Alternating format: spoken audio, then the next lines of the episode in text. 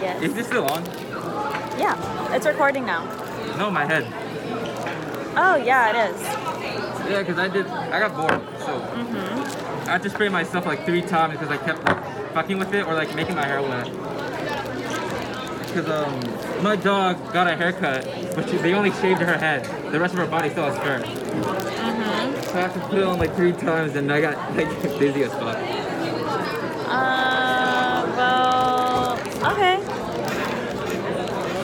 I don't know why that. I just wanted to record that because it was so stupid.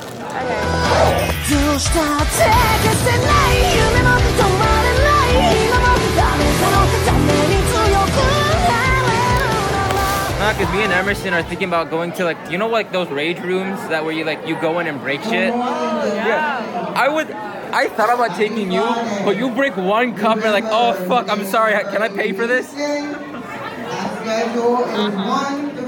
Cause you seem that kind of person.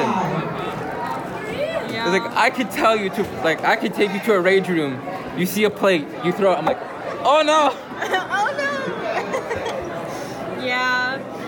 Yeah, that sounds like something I would try. Yeah. Also, mm, I'm letting my hair grow out like during November. You want to cut it? Like just grab my hair and just start cutting. Whoa. Like in no, not now.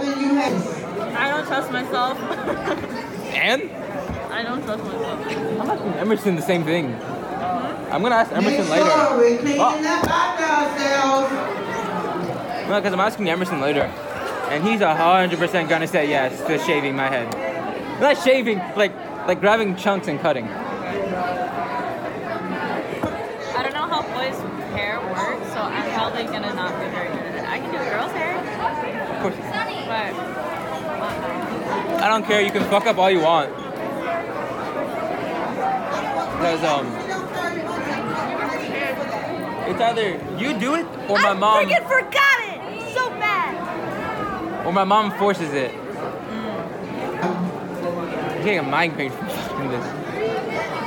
She's so loud. She sounds like she's everywhere.